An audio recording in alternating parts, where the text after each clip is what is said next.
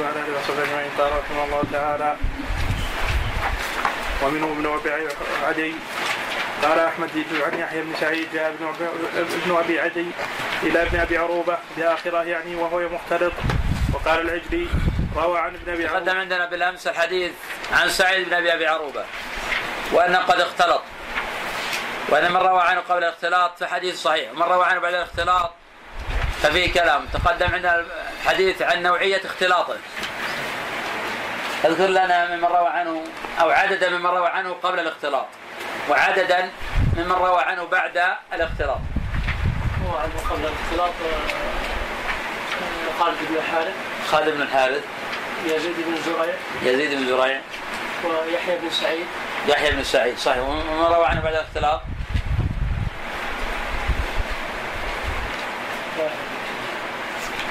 طيب. نعم غندر على الخلاف. غاب لأنه قال إني ما التقيت بشعبة إلا بعد ما أخذت حديث سعيد بن أبي عروبة هذه قرينه على أنه روى عنه قبل الاختلاط وهذا قول قوي إن غندر روى عنه قبل الاختلاط لأنه كيف يقول ما التقيت بشعبة إلا بعد؟ فما التقى بشعبة إلا بعد ما ضبط. وأيضا خلاف في عبد الوهاب بن عطاء الخفاف أيضا في خلاف في قولان تقدم عندنا. ما في أحد في خلاف مثلا؟ نعم. يزيد بن هارون. نعم. ونعم وابن مبارك. نعم. من روى عنه بعد آه، الاختلاط. لا الإجماع لا ما وجد لكنه يعني واضح. في شيء واضح في شيء يعني يكون الخلاف فيها قوي. نعم. وقال العجلي روى عن روى عن ابن أبي عروبة في الاختلاط يزيد بن هارون وابن المبارك وابن عدي. كلما روى كلما روى عنه مثل هؤلاء هؤلاء الصغار الصغار فهو مختلط. إنما الصحيح حديث محمد بن سلمة وابن علية وعبد الأعلى عنه والثوري وشعبة صحيح. وقال أحمد شعيب بن إسحاق سمع سمع من سعيد بآخر رمق. وحكى يزيد بن حيثم عن ابن معين ان أن يزيد سمع من ابن أبي عروبة في الكوفة قبل أن ينكر قبل أن ينكر نعم. قبل أن ينكر وقد روى عن يزيد ما يشهد لذلك وأنه راه بعد الاختلاط فأنكره وهذا يدل على أنه لم يسمع منه حينئذ وأيضا تدل هذه الحكاية على أن سعيد بن أبي عروبة قد اختلط حقيقة ولم يكن قد تغير حفظه. لأنه حين التقى به في هذا الموطن لم يأخذ عنه شيئا. ولذا قال في الرواية يقول فأنكره. راه بعد ما اختلط فأنكره. نعم. وقال أحمد في رواية ابن عبد الله سماع سماع يزيد هارون من ابن بعروبه في الصحه إلا ثلاثة حديث أو أربعة. قال عبد الله قلت لأبي أيما أحب إليك في سعيد الخفاف؟ أو أسباط بن محمد؟ قال أسباط أحب إلي لأنه سمع بالكوفة. قلت أيما أحب إليك خفاف أو أبو قطن؟ قطن. ابو أبو قطن في سعيد. قال الخفاف أقدم سماعا من أبي قطن. ومما انكر على سعيد في حال اختلاطه أنه روى عن قتادة عن أنس أنه قال الأذنان من من الرأس أنكره يحيى قطان. ونقل الاثرم عن أحمد أنه ذكر سماع يزيد بن هارون من سعيد بن أبي عروبة فضعفه. نعم أنه روى هذا الحديث عن قتادة عن أنس. سعيد بن عروبة روى هذا الخبر عن قتادة عن أنس عن النبي صلى الله عليه وسلم قال الأذنان من الرأس. وهذا الخبر منكر. ولكن ذكر طائفة إن النكارة لم تكن من سعيد. إنما هي ممن روى عن سعيد.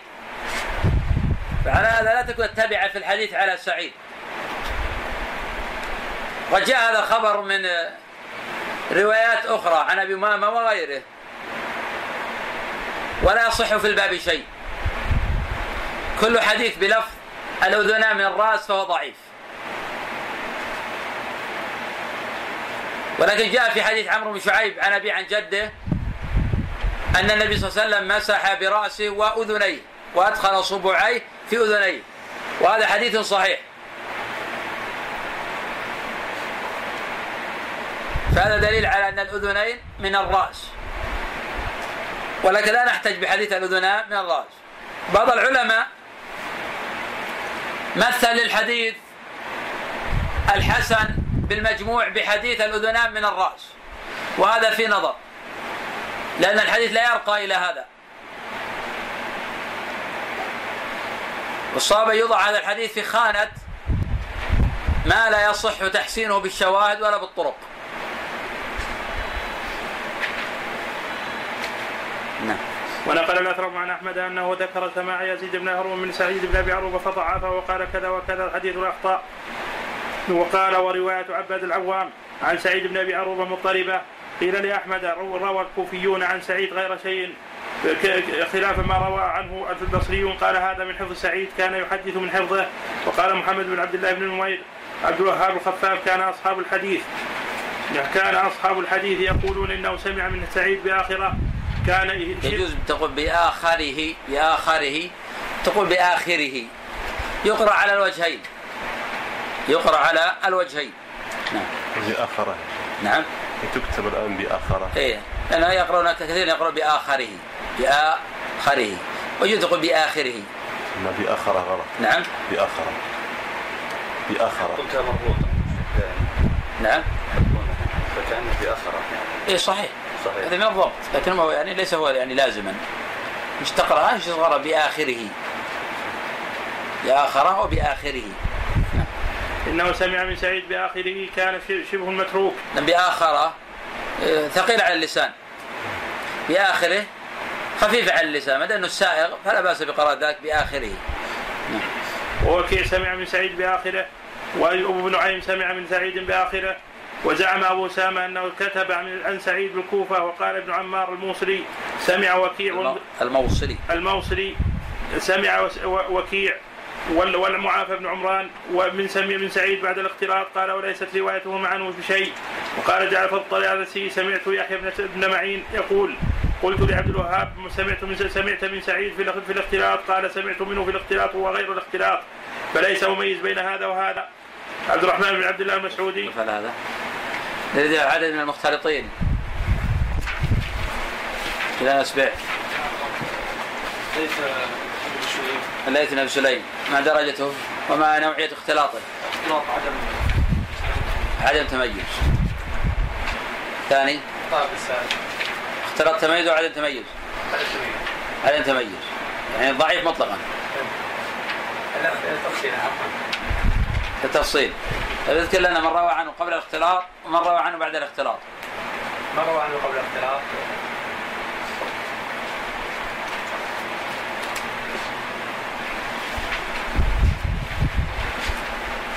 إبراهيم. روى عنه قبل اختلاط سفيانان. سفيانان. حماد بن زيد. حماد بن زيد. ويحيى بن سعيد. يحيى بن سعيد. شعبة. شعبة. ومن روى عنه بعد الاختلاط؟ اللي هو وهيب وعبد الوارث. نعم. وهيب وعبد الوارث. وجرير. جرير. صحيح. ثالث. مختلطين سفيان. نعم. أبو إسحاق السبيعي واسحاق السبيعي ما نوعية اختلاطه؟ صحيح أنه تغير وليس اختلاط. جيد. سألنا تغير. من من من المحدثين روى عنه بآخره.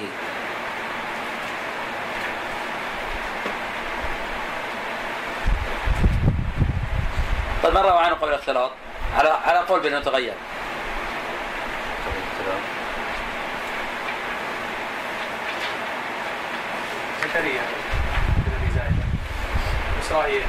حفيدنا إي. طيب على قول بأنه قد تغير من روى عنه بعد التغير. أبو خيثمة. زهير بن معاوية. نعم. حديث في الصحيحين.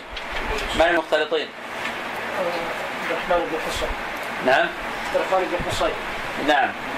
ما نوعية اختلاطه؟ أو حصين بن عبد الرحمن. ما نوعية اختلاطه؟ ضعف. يعني التغير في الحفظ يعني لم يختلط بمعنى لم. صحيح. من أوثق الناس فيه؟ هشيم بن هشيم بن بشير. درجته هشيم ثقة. من المختلطين نعم. سعيد بن إياس الجريري ما نوعية اختلاطه؟ جيد. درجة سعيد بن إياس الجريري ثقة. من رجال من؟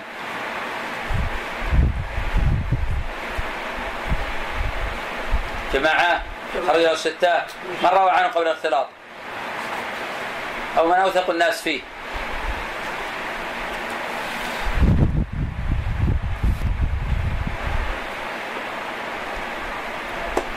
أعطيك واحدة تعطينا الثاني. إيش المفضل؟ صحيح إيش المفضل؟ طيب الثاني. شبيه ادري تاكد حماد ما روى عن الجريري بلى روى عنه. وأيضا؟ نعم. ثوري بن. صحيح. ثوري وابن عليا صحيح. يزيد بن هارون. يزيد بن هارون صحيح. كل هؤلاء أثبات في آه، الجريري. طيب. كلنا الطبقات المكثرين بسرعة. بسرعة. زهري. زهري. فقط ما في إلا زهري من المكثرين يعني ترى كلهم.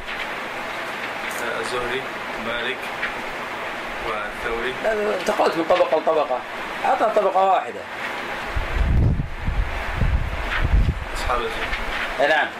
الزهري زهري. واسحاق السبيعي اسحاق السبيعي يحيى بن كثير. يحيى بن كثير. الاعمش وقتاده ما شاء الله. بقي واحد. عمرو بن عمرو دينار المكي. جيد. تحفظ خمسة من أصحاب الزهري. نعم عظم مالك. وابن معمر ومعمر. وعقيل. وعقيل وعبد الملك. آه، ابن جريج صحيح من أصحاب الزهري لكن ليس من المبرزين فيه. هذا صحيح. لأن الكتاب. بقي واحد من المكثرين. يونس بن يزيد الايلي شعيب بن أبي حمزة. نعم صحيح. كلنا ثلاثة من أصحاب إسحاق السبيعي. ثلاثة من أصحابه.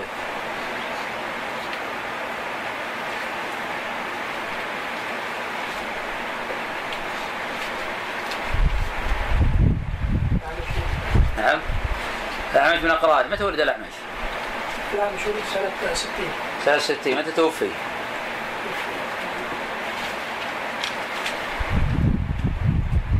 وستين. 160 هم. نعم. مية ولد شعبة توفي؟ سنة 160 صح ولا لا؟ إيه صحيح. طيب متى ولد؟ سنة ثمانية. ثلاث ثمانية. طيب أصبت أنا في كذا الجميع. عطنا طيب متى توفي الأعمش؟ مية ولد 120 نعم. 28 لا فوق. 127 آه فوق. 140 فوق. 150 لا تحت. خيارات. نعم خيارات. يا رجل أنا غير خيارات ما مانع 345 أيوه. 346 349 كلهم خطأ ما شاء الله عليك. طيب خيارات أخرى. 148 يجوز. صحيح؟ كم؟ 48 اي نعم. صحيح. طيب. حط ثلاثة من اصحاب ابي اسحاق السبيعي سفيان الثوري. سفيان الثوري. صحيح. وشعبة. شعبة. يحيى بن سعيد. إسرائيل ليس منهم؟ إسرائيل. صحيح. ومعاوية حط خمسة من أصحاب قتادة. حرت عن قرني. خمسة من اصحاب قتادة ما نريد ثلاثة خمسة. هشام الدستوائي. شمد الدستوائي. سعيد بن عروبة. سعيد بن عروبة. وشعبة شعبة. هؤلاء الثلاثة هم هم أشهر من هم الطبقة الأولى. الطبقة الأولى. خمسة. إحنا بقي اثنان. أيضا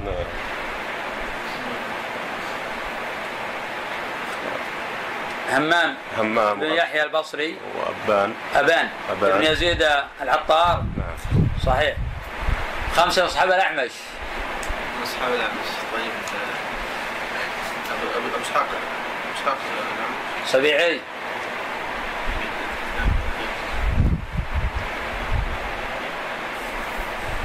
الأعمش من المكثرين. سفيان وشعبة. ويحيى بن صحيح. سفيان وشعبة صحيح.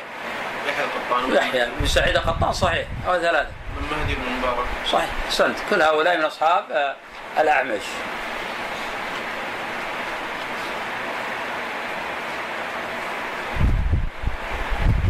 الباقي الغفيص موجود دوره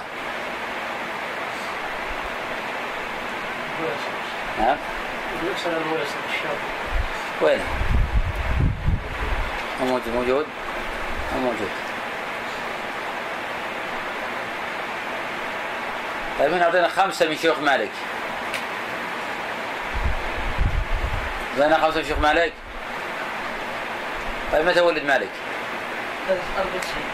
93 متى توفي؟ 170 ما شاء الله علي عرف متى ولد وعرف متى توفي ما يعجز ان يعطينا خمسه من شيوخه اعطنا خمسه من شيوخه لازمتك الزهري. الزهري صحيح. نافع. نافع صحيح. ما شاء الله. حافظ بس. تخفي علمك عن الآخرين. صحيح. زهري ونافع. أكمل. أكمل أنت. الزهري ونافع وسالم. وسالم الثالث سالم. و- وعبيد عبد الله بن دينار. نعم. عبد الله بن دينار. عبد الله بن دينار. عمرو بن دينار. عبد الله بن دينار.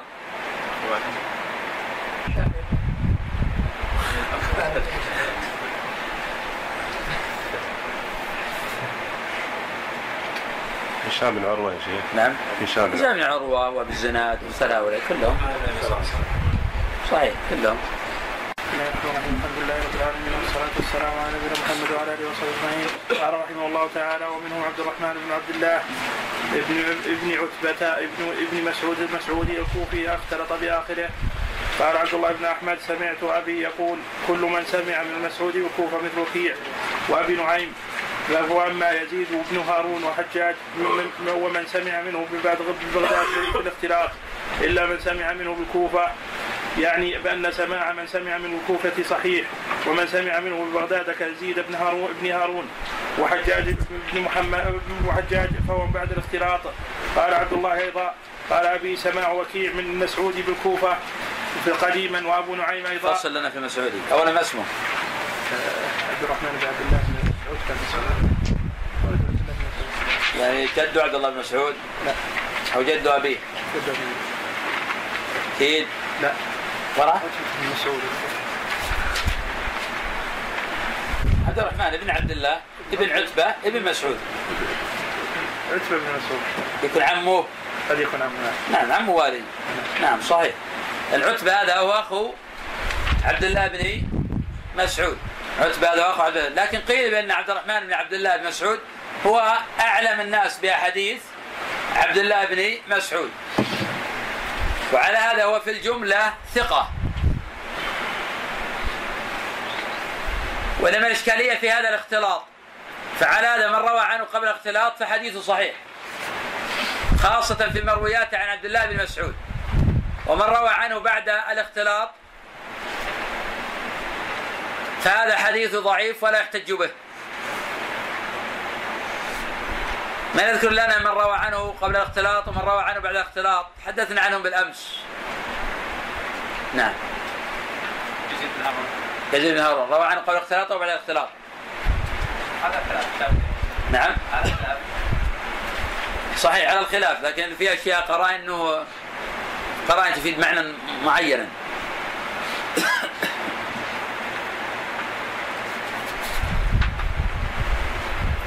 هو ما لقي يزيد بن هارون بعد ما اختلط ولم يروي عنه شيئا. إذا ماذا نفهم من هذا؟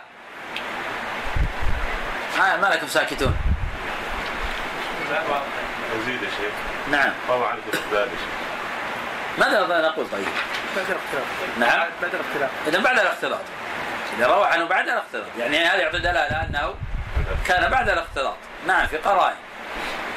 نعم. وكيع وابو نعيم وكيع ابن عين روى عنه قبل الاختلاط بعد الاختلاط؟ قبل الاختلاط. آه، لماذا قلت قبل الاختلاط؟ بقرينة ماذا؟ ما هو الضابط في عبد الرحمن بن عبد الله المسعودي؟ لمن روى عنه قبل الاختلاط ومن روى عنه بعد الاختلاط. كيف نجد؟ ما مر معنا. إلا أنا ذكرت ضابطا. أنا ذكرت بالامس ضابطا في هذا. من روى عنه شيخ في الكوفة قبل الاختلاف من روى عنه بغداد بعد نعم. الضابط من روى عنه بالكوفة فإنه قبل الاختلاط ومن روى عنه ببغداد فإنه بعد الاختلاط. فعلى هذا كل من روى عنه ببغداد فحديثه ضعيف. وعلى هذا فكل من روى عنه ببغداد فحديثه ضعيف. من الذين رووا عنه قبل الاختلاط ومن الذين رووا عنه بعد الاختلاط؟ معك وكيع وابن عين روى عنه في الكوفة وحجاج عنه في بغداد. وهذا يكون بعد. يعني كل حديث إذا نراه ليزيد بن هارون. عن المسعودي ماذا نقول عنه؟ لأنه بعد. بعد الاختلاط. نعم. مسلم وقتيبة وأيضا مسلم بن قتيبة مما ذكر هذا قبل الاختلاط. في خلاف أحيانا يقع اختلاف في بعض الرواة. كما تقدم عندنا في حماد بن سلمة في عطاء بن السائب. هل روى عنه قبل الاختلاط؟ أم روى عنه بعد الاختلاط؟ جزم جماعة بأنه روى قبل الاختلاط وبعد الاختلاط. نعم. شيخ اذا وجدت في الإسناد آه، رجل روى عن راوي بعد الاختلاط يحكم مباشرة بالضعف ولا يجمع الطرق؟ الإسناد اللي أمامك نعم تحكم مباشر بالضبط لكن ما تحكم على المتن حتى تنظر الطرق الأخرى. لأنه قد يكون روى عنه أيضا قبل الاختلاط وناس قبل مثاله روى مثلا رأيت يزيد بن هارون عن المسعودي هذا الإسناد ضعيف. قد يكون روى هذا الحديث وكيع عن المسعودي فانت ما تضعف الحديث مطلقا تضعف الإسناد. إلا إذا تحقق- تحققت بأنه لم يروي الحديث عن المسعودي إلا يزيد بن هارون. أو أمثاله من من روى عنه بعد الاختلاط. نعم. قال عبد الله أيضا قال أبي سماع وكيع من المسعود بالكوفه قديما وابو نعيم أيضا وإنه اختلط المسعود ببغداد ومن سمع منه بالبصرة والكوفة فسمعه جيد. انتهى ومن من كتب عنه قبل أن يختلط مسلم قتيبة وكتب عنه أبو داود بعد الاختلاط. ونقل حنبل عن أحمد قال سمعت قال سماع عاصم بن علي وأبي النضر وهؤلاء ابن المسعود بعدما اختلط وذكر معاذ بن معاذ أن المسعود قدم عليهم الكوفه مرتين وهو صحيح قال ثم لقيته ببغداد سنة 54 و100 وهو صحيح ثم لقيته ببغداد مرة أخرى سنة 61 وقد أنكروه وقد وقال محمد بن عبد الله ابن عبد الله بن بن نمير أن المسعودي كان ثقة اختلط بآخره سمع يعني هو في نفس الثقة وفي نفس الثقة بالتالي لابد من التحقق من روى عنه قبل الاختلاط ومن روى عنه بعد الاختلاط. قد وثق المسعودي جماعة من الأئمة قالوا عنه بأنه من أعرف الناس بأحاديث عبد الله بن مسعود. وعلى هذا كان البحث عن من روى عنه قبل الاختلاط ومن روى عنه بعد الاختلاط من المهمات. لأننا نحتاج إلى حديث المسعودي. وفي كتاب ذكرت لكم في المختلطين اسمه الكواكب النيرات. كتاب هذا جيد. فيذكر المختلط ثم يذكر من روى عنه قبل الاختلاط ومن روى عنه بعد الاختلاط. فكان جمعه جيدا ومفيدا. نعم قد يفوت أشياء. أحيانا يكملها يتممها المعلق. وأحيانا تجدها في الكتب الأخرى. لكن هذا كتاب جيد. ننصح طلبة العلم بشرائه الذين لهم عناية في علم العلل. نعم. سمع منه عبد الرحمن. قرأ مسلم بن قتيبة. مسلم أو سلم. سلم بن قتيبة. ليس مسلم. سلم. عندك مسلم؟ مسلم. لا لا. سلم بن قتيبة. نعم سلم؟ نعم هو الصواب. المزي قال أبو قتيبة. صحيح. لكنه سلم سلم ليس مسلم. لا ليس مسلم. القاعدة قتيبة. نعم. ذاك قتيبة. بن مسلم. إيه، يعني هذا سلم. لا لا. هذا سلم. وسمع منه عبد الرحمن بن مهدي ويزيد بن هارون حادثة مختلطة وما روى عنه من الشيوخ ما عنه الشيوخ وهو هو مستقيم. وليحيى بن معين في المسعودي تفصيل آخر. ذكر محمد بن عثمان بن أبي شيبة. عن يحيى بن معين قال المسعودي ثقة وكان يغلط فيما يحدث عن عاصم بن بهدلة وسلم يعني ابن ابن ك- ابن كهيل. بني كهيل. وسلمة يعني ابن ك- يعني نعم. يعني ابن كه- كهيل. وكان صحيح الرواية فيما يحدث عن القاسم ومع ومع ومعا ونقل الغلابي عن ابن معين نحوه نحوه أيضا. هذا شيوخه غيره من شيوخه. نعم. عبد الوهاب بن عبد سلام بن كهيل ثقة. وهو يروي عن وائل بن حجر. وأما عاصم ابن أبي النجود فمختلف فيه. الصواب فيه أنه صدوق سيء الحفظ قد صحح له جمع من الأئمة وهو حجة وثقة في القراءات. وفي الحديث يحتج به ما لم يتفرد بأصل أو يخالف الثقات. وقد روى عنه السفيانان وزكريا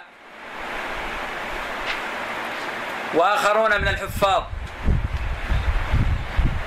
عنه عن زر عن عبد الله بن مسعود. قال قال رسول الله صلى الله عليه وسلم لا تذهب الليالي والأيام حتى يملك العرب رجل من أهل بيتي يواطئ اسمه اسمي. الصح هذا الحديث جمع من الحفاظ. وقال الترمذي عن هذا الخبر حديث حسن صحيح. وذكر ابن القيم رحمه الله تعالى في آخر المنار المنيف الاتفاق على صحة هذا الخبر. فهذا دليل على قبول حديث عاصم في هذا الموضع. ولا يلزم من قبوله في موضع قبوله في كل موضع. وهذا يوسر في كون نقول ان لا يلزم من وجود الراوي من رجال الشيخين تصحيح حديثه في مواضع أخرى. إلا إذا كان على نسق واحد. وذاك بحثت معكم أكثر من مرة ما معنى على شرطهما. من يذكر ذلك؟ ما معنى على شرط الشيخ؟ قال العلماء هذا على شرط الشيخين. ما معنى ذلك؟ واحد يرفع ما في أحد؟ بقية. ما في أحد يعني ما معنى على شرطهما؟ أول مرة رفع نعم. على شرطهما في الرجال. نعم.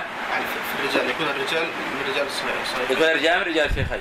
هذا معنى شرطهما هذا معنى قيل هذا قيل ما إحنا نريد الآن عطنا الراجح بعدين نعرف الاقوال ما معنى شرطهما كون على شرط آه، رواة هذا الاسلام في الصحيح هذا ضعيف. ان البخاري قد يخرج له في هذا الموضع لكن ما يخرج له عن شخص معين. يتقي عن شخص آخر. كداود بن حسين عن عكرمة قال آه، علي المديني مضطرب. الراجح إن يكون السند كما هو يعني ك- الشيخ نفس الشيخ وكبير المستوى نعم هذا صح الأقوال. ان معنى على شرطهما. يكون رجال هذا الإسناد موجودين في الصحيحين على هذا النسق. على هذا النسق. فلان عن فلان عن فلان. بشرط آخر ما هو؟ شرط ثاني مهم لا بد منه. نقول يكونوا موجودين في الصحيحين هذا شرط. الشرط الثاني؟ نعم. عدم السنة لا لا عدم العلة أصلاً مشروطة بكل حال. على على على الترتيب على نسق معين. هو هو اللي قال على الترتيب هو قلنا على الترتيب. سلسلة واحدة. هو سلسلة واحدة. مثلا مالك عن نافع عن ابن عمر هو نفسه. تحديث؟ لا. قد يكون آه، صحح من البخاري ولا ولم يرد في صحيح. السوزي عطى حولها صحح سند الرجال ولم يرده في الصحيح لا صح لا إحنا نقول في الصحيح إحنا نشرح الصحيح. إيه، مسلم والبخاري صحح السند ولكن لم يردوا لم بصحيحين. ذكره في الأصول؟ هذا في الأصول. ان يكون على نسق واحد في الأصول لا في المتابعات. بمعنى حين ترى حديث أبي معاويه محمد بن خالد الضرير عن هشام بن عروة. هذا عن شرط الشيخين لكن ليس في الأصول. ليس في الأصول. فلا صح أن تقول عن شرط الشيخين اذا نشرت شرطين. الشرط الأول أن يكون الرجال وهذا الاسناد موجودين في الصحيحين على نسق واحد. الشرط الثاني أن يكونوا موجودين في الأصول لا في المتابعات. كابي معاوية عن هشام هذا في المتابعات لا في الأصول. فإن البخاري لا يحتج بأبي معاوية ومحمد بن خالد الضرير عن غير الأعمش. فذكره عن غير الأعمش فهذا في المتابعات لا في الأصول. الحمد لله رب العالمين والصلاة والسلام على نبينا محمد وعلى آله وصحبه أجمعين. قال رحمه الله تعالى عبد الوهاب بن عبد المجيد الثقفي ومنه عبد الوهاب بن عبد المجيد الثقفي البصري أحد الحفاظ المشهورين. المؤلف رحمه الله تعالى تكلم عن عبد الوهاب ابن عبد المجيد الثقفي وهو أحد الأئمة الأعلام. وقد خرج له الجماعة. وقد ذكره المؤلف في هذا الموضع من الذين قد اختلطوا.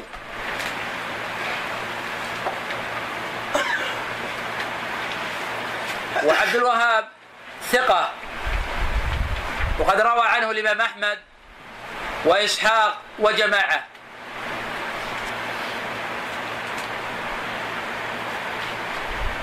وقد قيل أنه قد اختلط في آخره. وأن اختلاط اختلاط جرير. وجرير فوقه في الطبقة فإن من الطبقة السادسة.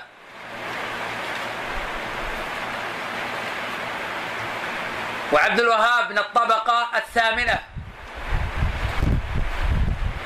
وجرير قد اختلط قبل وفاته بعام. وحجر عليه ابناؤه فلم يروي عنه أحد بعد الاختلاط.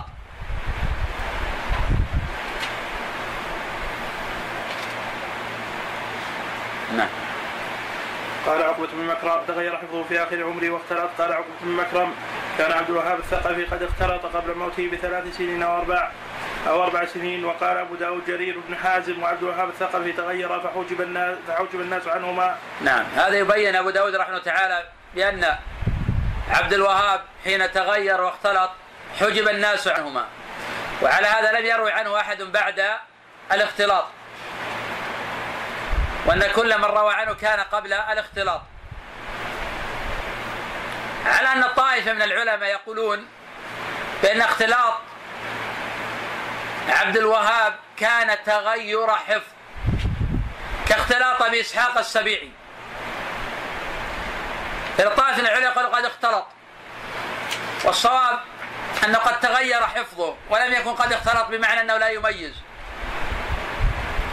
وتقدم عدد كبير من هؤلاء الذين قيل عنهم بأنهم قد اختلطوا قلنا الصواب فيهم أنهم قد تغيروا ولم يختلطوا. تقدم الحديث عن الجريري وعن داود بن الحصين وعن جماعة ممن قيل عنهم بأنهم قد اختلطوا. ومنهم سفيان بن عيينة قال ابن عمار الموصلي شرع المؤلف أيضا يتحدث عن قال ومنهم سفيان بن عيينة. أي ومن المختلطين. سفيان بن عيينة. ومنهم من قال أيضا بأنه قد تغير ولم يكن قد اختلط. لأنه لما كان في الشباب آية من آيات الله في الحفظ والضبط ولما كبر قل حفظه قيل عنه بأنه قد اختلط. لأن الإنسان إذا رق وكبر لا يكون حفظه وضبطه بمنزلة ضبط في الصغر. فمن ثم يطلق جماعة من العلماء على هؤلاء بأنهم قد اختلطوا. تقدم الحديث على ابن عيينة وعلى مولده ووفاته وطبقته وننظر ماذا عند الإخوة فيما مضى. متى ولد ابن عيينة؟ يوم سبع صحيح. ولد سنة سبع ومائة ومتى توفي؟ 198 سنة ثمان وتسعين ومائة من توفي معه في هذا العام؟ عبد الرحمن بن مهدي. عبد الرحمن بن المهدي يحيى بن سعيد القطان. يحيى بن سعيد القطان. متى متى ولد يحيى بن سعيد القطان؟ 120 سنة عشرين ومائة الصواب اذكر لنا بعض أصحاب ابن عيينة. اذكر لنا بعض شيوخه وبعض تلاميذه نبدأ بالأصحاب.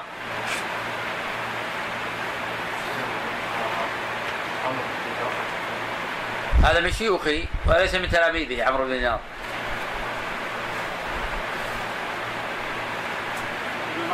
نعم؟ الإمام أحمد من تلاميذه الصواب نعم. الإمام أحمد يروي عن سفيان بن عيينة. الشافعي. نعم وأيضا الشافعي رحمه الله تعالى قد روى عن سفيان بن عيينة وهذا الصواب بن المبارك. وابن المبارك أيضا روى عن ابن عي وقيل من أكابر أصحابه. كلنا بعض تلاميذه بعض شيوخه. الزهري. الزهري ومن أجل شيوخه. عمرو بن وعمرو بن دينار، وأيوب. وأيوب. من من الستة تدور عليهم الأسانيد؟ كان شيخا لابن عيينة. بن دينار. ابن دينار عمرو. عبد الله. عبد الله بن دينار ليس من الستة تدور عليهم الأسانيد عمرو بن دينار. هو المكي. نعم هو الم- عبد الله بن دينار مدني ولا مكي؟ لا عبد الله بن دينار مدني. وعمرو بن دينار هو المكي. شيخ ابن عيينة هو الذي. نريده الآن هو عمرو بن دينار. هو الذي تدل عليه الأسانيد. لأن ما هناك أحد تدل عليه الأسانيد آه، بهذا الاسم سوى عمرو بن دينار وهم الستة. على قول علي بن مدينة رحمه الله تعالى. آخر من هو؟ الأعمش. وإسحاق السبيعي. الأعمش وابو اسحاق السبيعي. والزهري. والزهري. نعم. بس ليس من بن نتكلم على الستة الان الآن.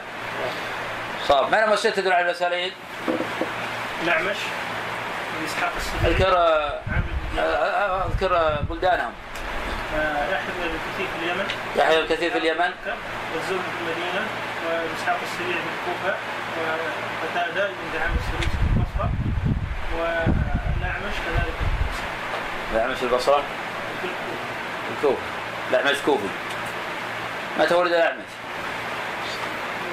متى ولد الأعمش؟ متى توفي؟ 160 142 صحيح. متى تو- ولد أبو إسحاق السبيعي؟ أبي إسحاق السبيعي ولد سنة 33 ومتى توفي؟ 127 107 وعيش على عاش كم؟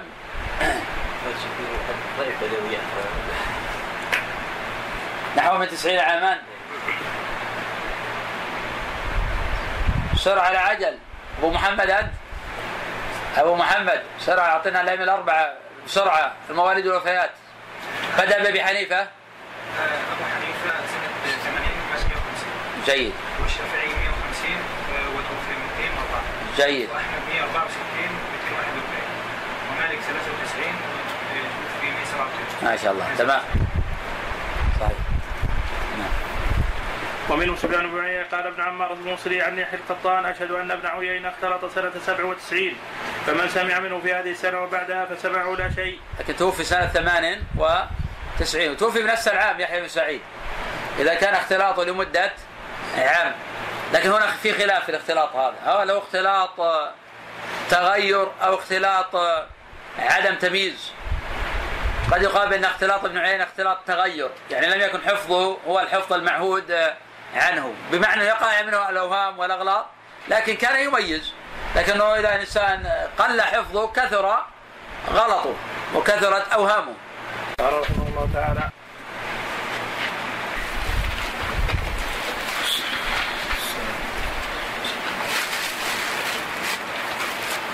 صالح مولى التهامة ومنهم صالح بن نبهان مولى التهامة توأمة التوأمة. نعم. صالح مولى التوأمة هذا هو اسمه صالح بن نبهان. صالح مولى التوأمة هذا صالح بن نبهان. وقد خرج له أهل السنن.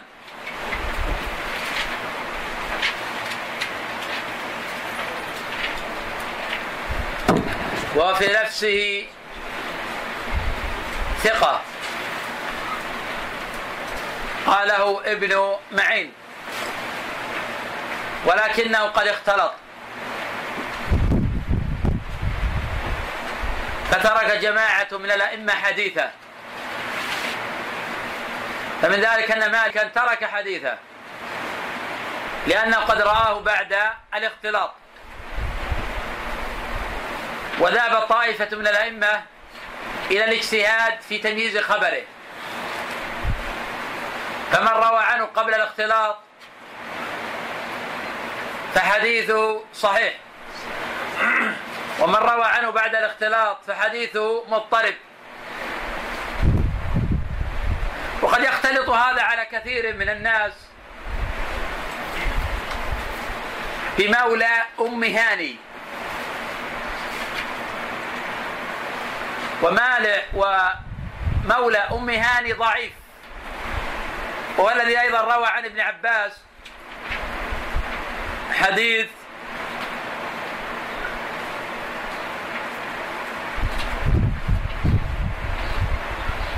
لعن رسول الله صلى الله عليه وسلم زائرات القبور والمتخذين عليها المساجد والسرج. فهذا مولى أم هاني وليس مولى التوأمة. وقد التبس هذا بهذا على الطائفة من الفقهاء والمنتسبين للحديث ومولى أم هاني ضعيف. ومولى التوأمة مختلف فيه والعدل فيها التفصيل بين من روى عنه قبل الاختلاط ومن روى عنه بعد الاختلاط.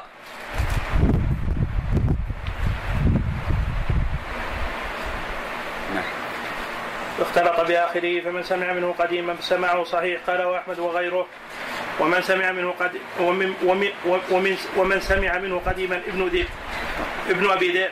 قاله ابن معين ومن؟ أو ممن ما عندكم ممن ممن هذا الصواب. وممن سمع منه قديما ابن أبي ذئب. قاله ابن معين قال سماع الثوري منه بعد أن خلف هذا صحيح. سفيانان قد سمع منه بعد الاختلاط. ومالك أدركه بعد الاختلاط. وأما ابن أبي ذئب فرواية عن أبي صالح صحيحة.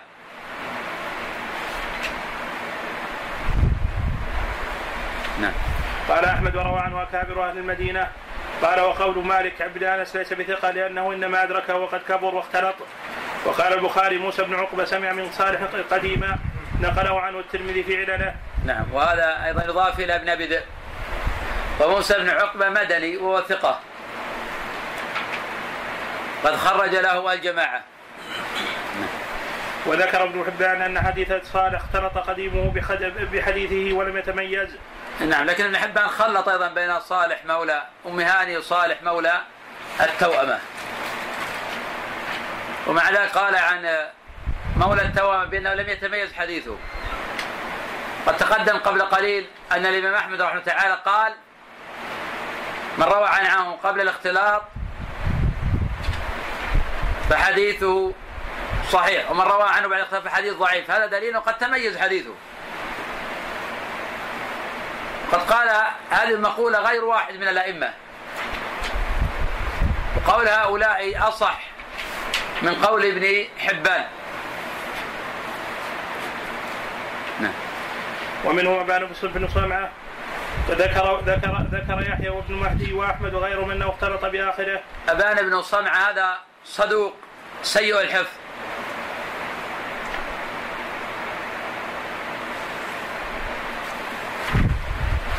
وقد خرج له النسائي وابن ماجه.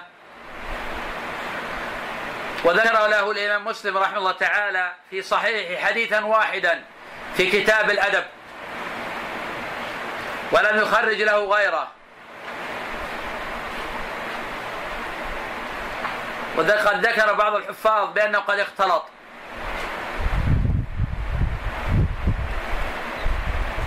وقيل أن اختلاطه هو تغير.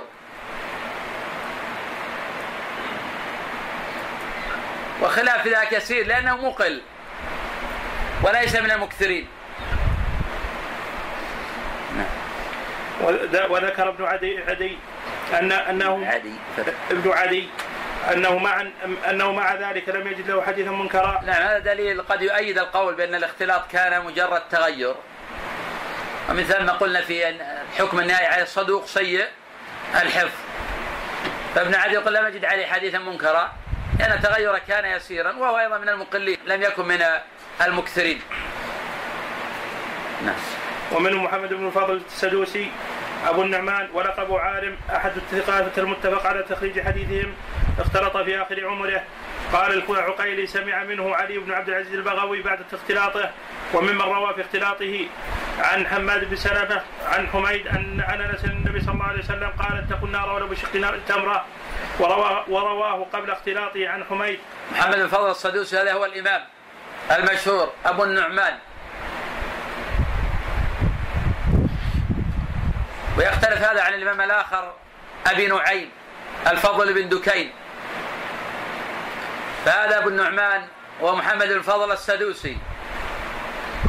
ثقة إمام. خرج له البخاري رحمه الله تعالى بولا واسطة. وروى عنه مسلم بواسطة.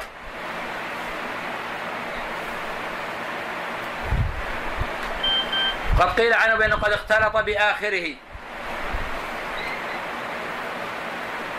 وذهب بعض العلماء إلى أن اختلاطه كان مجرد تغير حفظ. بدليل ما أورده المؤلف من هذا الحديث. فإنه روى في اختلاطه عن حماد بن سلمة عن حميد عن أنس. ورواه بعد أو قبل اختلاطه عن حميد عن الحسن عن النبي صلى الله عليه وسلم. والأول صح. وقد روى عفان بن مسلم أيضا عن حماد بن سلمة وكما قال المؤلف يقول هو الصواب. فهذا أن اختلاطه كان مجرد تغير ولم يكن اختلاطا عدم تمييز. لأنه لو كان اختلاطه عدم تمييز كيف يروي على الصواب ما كان؟ قيل عنه قد اختلط. ويروي الحديث الآخر بالإرسال وهو المرجوح قبل الاختلاط. هذا تبين له فيما بعد ما هو أصح من حديثه. الله تعالى. أبو كلاب الرقاشي ومنهم أبو كلاب الرقاشي مالك بن محمد. كان ابن خزيمة يقول حدثنا أبو كلابة بالبصرة قبل أن يختلط ويخرج إلى بغداد. قلت وهو موضع وهو مع هذا كثير الوهم قبل اختلاطه. نعم أبو قلابة الرقاشي ذكر مؤلف رحمه تعالى أنه قد اختلط وهو من المقلين. وفي الوقت ذاته سيء الحفظ. قد تكلم في جماعة من الأئمة. وسواء قيل باختلاط أو قيل بعدم الاختلاط فهو كثير الأوهام كثير الغلط.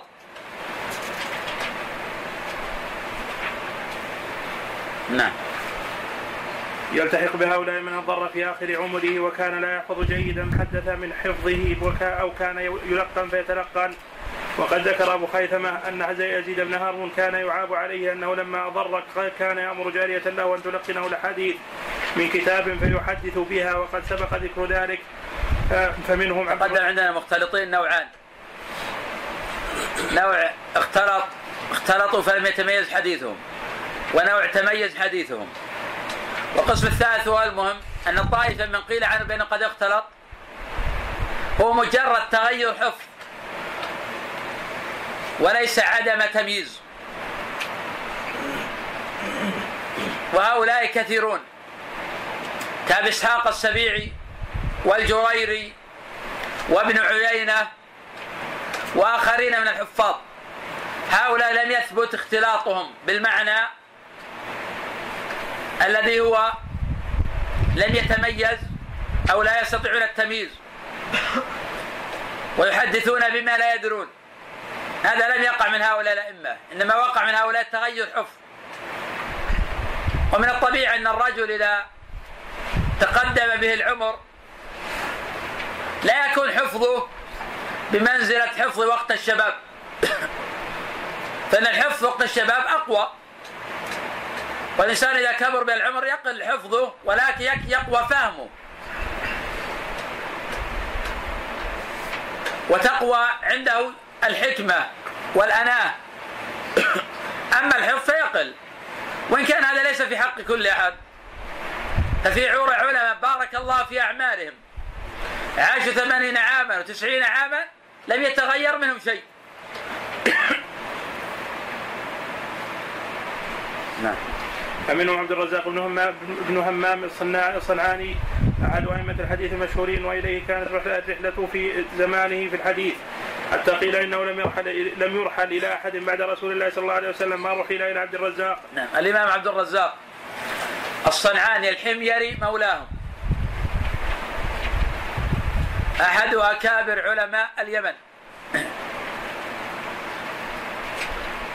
وقد توفي سنة إحدى عشر ومائتين عن خمسة وثمانين عاما.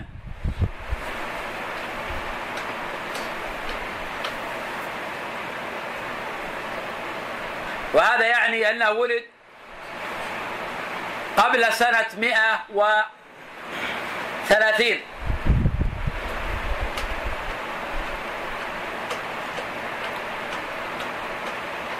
وقد كان العلماء يرحلون إليه.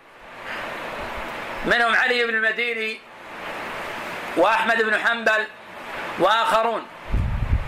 وقال جماعة من الحفاظ لم يرحل إلى أحد بعد رسول الله صلى الله عليه وسلم أكثر مما رحل إلى عبد الرزاق. وقد حدث عن معمر بعشرة آلاف حديث.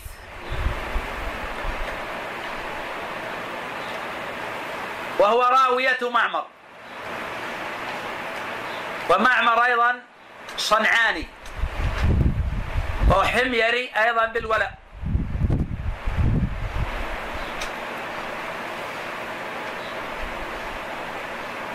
وقد كتب عبد الرزاق رحمه الله المصنف. وفيها المرفوع والموقوف وفي أقاويل التابعين. وهو من أنفع الكتب وأفضلها. ولا يورد شيئا إلا بالأسانيد وفي الصحيح والضعيف. وإذا ضم إليه مصنف ابن أبي شيبة كان هذا نورا إلى نور وخيرا إلى خير. عبد الرزاق رحمه الله قد اختلط في آخر عمره.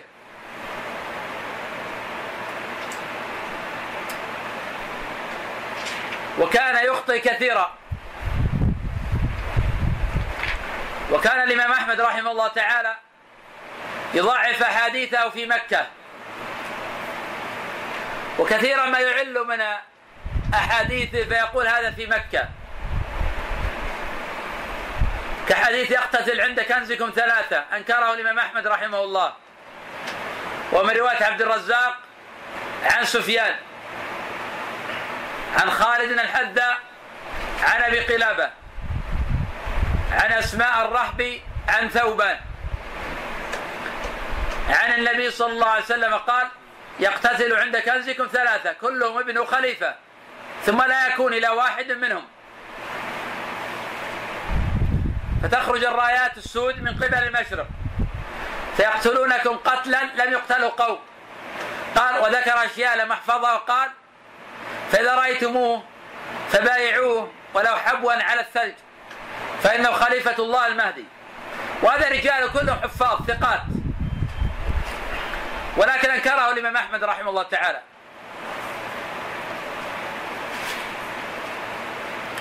وسيأتي إن شاء الله أيضا حديث العجماء جرحها جبار من رواية عبد الرزاق أنكره الإمام أحمد رحمه الله تعالى. وقد أنكر الحفاظ عدة أحاديث على عبد الرزاق. وذلك أن رواها بعد التغير. وأما ما جاء في المصنف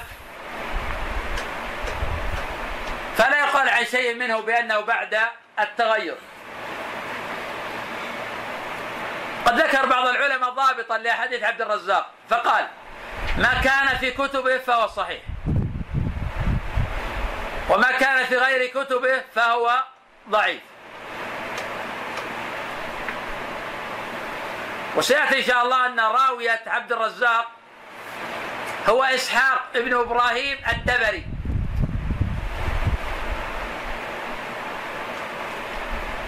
وقد ذكر محمد ابن يحيى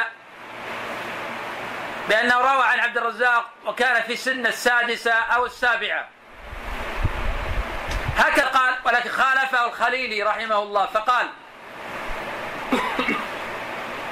لأن عبد الرزاق قد توفي سنة 11 و200 وقد ولد إسحاق ابن إبراهيم الدبري سنة خمس وتسعين ومائة. فعلى هذا يكون قد أدرك من حياته ستة عشر عاما. وكان إبراهيم والد إسحاق الدبري يعتني به في الحديث ويذهب به إلى عبد الرزاق. فهذه قرائن عمر بن خمسة عشر عاما مع قرينة أن والده كان يذهب به هذا يدل على أنه قد سمع وضبط. والقول بأنه لم يدرك من حياته إلا ست أو سبع سنين هذا فيه نظر. فعلى هذا تزول الإشكال في مسألة رواية الدبري عن عبد الرزاق. نعم. قال الإمام أحمد في رواية إسحاق بن هانئ عبد الرزاق لا يعبأ بحديث من سمع من سمع منه وقد ذهب بصره. سمع منه. من سمع منه وقد ذهب بصره كان يلقن أحاديث باطلة. وقد وقد حدث عن الزهري أحاديث كتبناها من أصل كتابه وهو ينظر جاء وهو ينظر جاءوا بخلافها ونظر له ونقل الاثرم عنه معنى ذلك. وقال في في النسابوري يعني محمد بن يحيى الدهلي قدم على عبد الرزاق مرتين إحداهما بعدما عمي. وذكر الاثرم عن أحمد أنه قال أنه ذكر ذكر له حديث النار النار جبار فقال هذا باطل ليس من هذا شيء. ثم قال ومن يحدث به عن عبد الرزاق قلت حدثني به أحمد بن الشبوي شبويه. قال هؤلاء سمعوا بعدما عمي كان يلقن فلق كان يلقن فلقنه. وليس وليس هو في وليس هو في كتابه وقد اسندوا عنه أحاديث ليست في كتبه. كان يلقنها بعدما عمي قال أبو عبد الله حك حكوا عنه عن الحلواني أحاديث أسندها. وقد ذكر غير واحد أن عبد الرزاق حدث باحاديث مناكير في فضل علي وأهل البيت ولعل تلك الأحاديث مما لقنها مما لقينها بعد ما عمي كما قاله الإمام أحمد. والله أعلم وبعضها مما رواه عنه الضعفاء ولا يصح عنه. وقال النسائي عبد الرزاق ما حدث عنه بآخره ففيه نظر. وذكر عبد الله بن أحمد أنه سمع يحيى بن معين. قيل له تحفظ عن عبد الرزاق عن معمر عن أبي إسحاق عن عاصم بن ضمرة عن علي عن النبي صلى الله عليه وسلم أنه مسح على الجبائر فقال يحيى باطل ما حدث به معمر قط. ثم قال يحيى عليه ثم قال يحيى عليه مئة بدنة مقلدة مجللة إن كان معمر. حدث بها قط بهذا قط هذا باطل ولو حدث بهذا عبد الرزاق كان حلال الدم. من من حدث بهذا عن عبد الرزاق قالوا فلان. وفي بعض النسخ قالوا محمد بن يحيى قال لا والله ما حدث به معمر وعليه حجة من مكة إلى إلى من هنا إلى مكة. إن كان معمر إن كان معمر يحدث بهذا قال عبد الله بن أحمد. هذا دليل على السلف لهم ذوق ومعرفة بالأحاديث. ولا فإن ظاهر الإسناد الصحة عبد الرزاق عن معمر. ولكن الإمام رحمه الله تعالى أنكر هذا. وأنه لا يمكن أن يحدث معمر بمثل هذا. وهو الصواب. فإن كابر الحفاظ بينوا نكارة هذا الخبر والغلط فيه. بدليل أنه روي من طريق غير عبد الرزاق عن معمر على غير هذا الوجه. بينما هنا ذكره عن أبي إسحاق عن عاصم بن ضمرة. لك هذا الخبر لا يصح وهذا الإسناد فيه غلط. وهذا لأنه ظاهر عن الأئمة. فلا لا يغترون بظاهر الإسناد.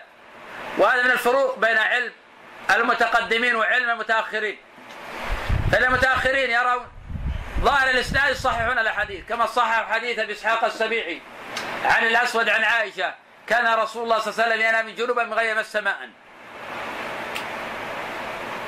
وقد اتفق الأوائل على نكارة هذا الخبر. حتى ذكر ابن عبد الهادي أنه ضعيف بالاتفاق اتفاق الحفاظ الأوائل. وذكر ذاك ابن رجب رحمه الله في فتح الباري. وتتابع الأواخر على صحته. نستطيع أن نقول أن الأواخر متفقون على تصحيحه. والأوائل متفقون على ضعفه. والقول ما قال الأوائل. وعلة ظاهرة. فقد غلط فيه أبو إسحاق السبيعي. وروى على هذا الوجه فغلط فيه. ومن ذا قول عمر قول النبي صلى الله عليه وسلم عمر البس جديدة وعش حميدة ومت شهيد. هذا تتابع الأواخر على تصحيحه؟ وهو غلط. وهذا الخبر منكر باتفاق الحفاظ الأوائل. مع أن ظاهر إسناد الصحة.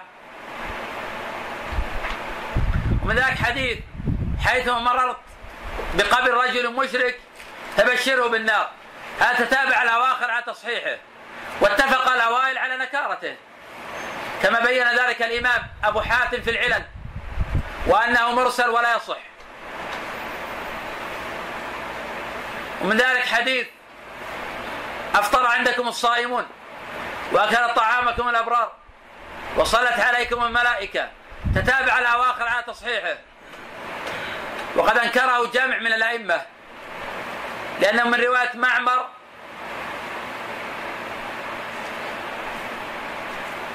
عن أهل العراق. ومعمر عن أهل العراق لا يتقن ولا يضبط. فالخبر معلول. لأن من رواية معمر عن ثابت البناني عن أنس وثابت البناني عراقي بصري.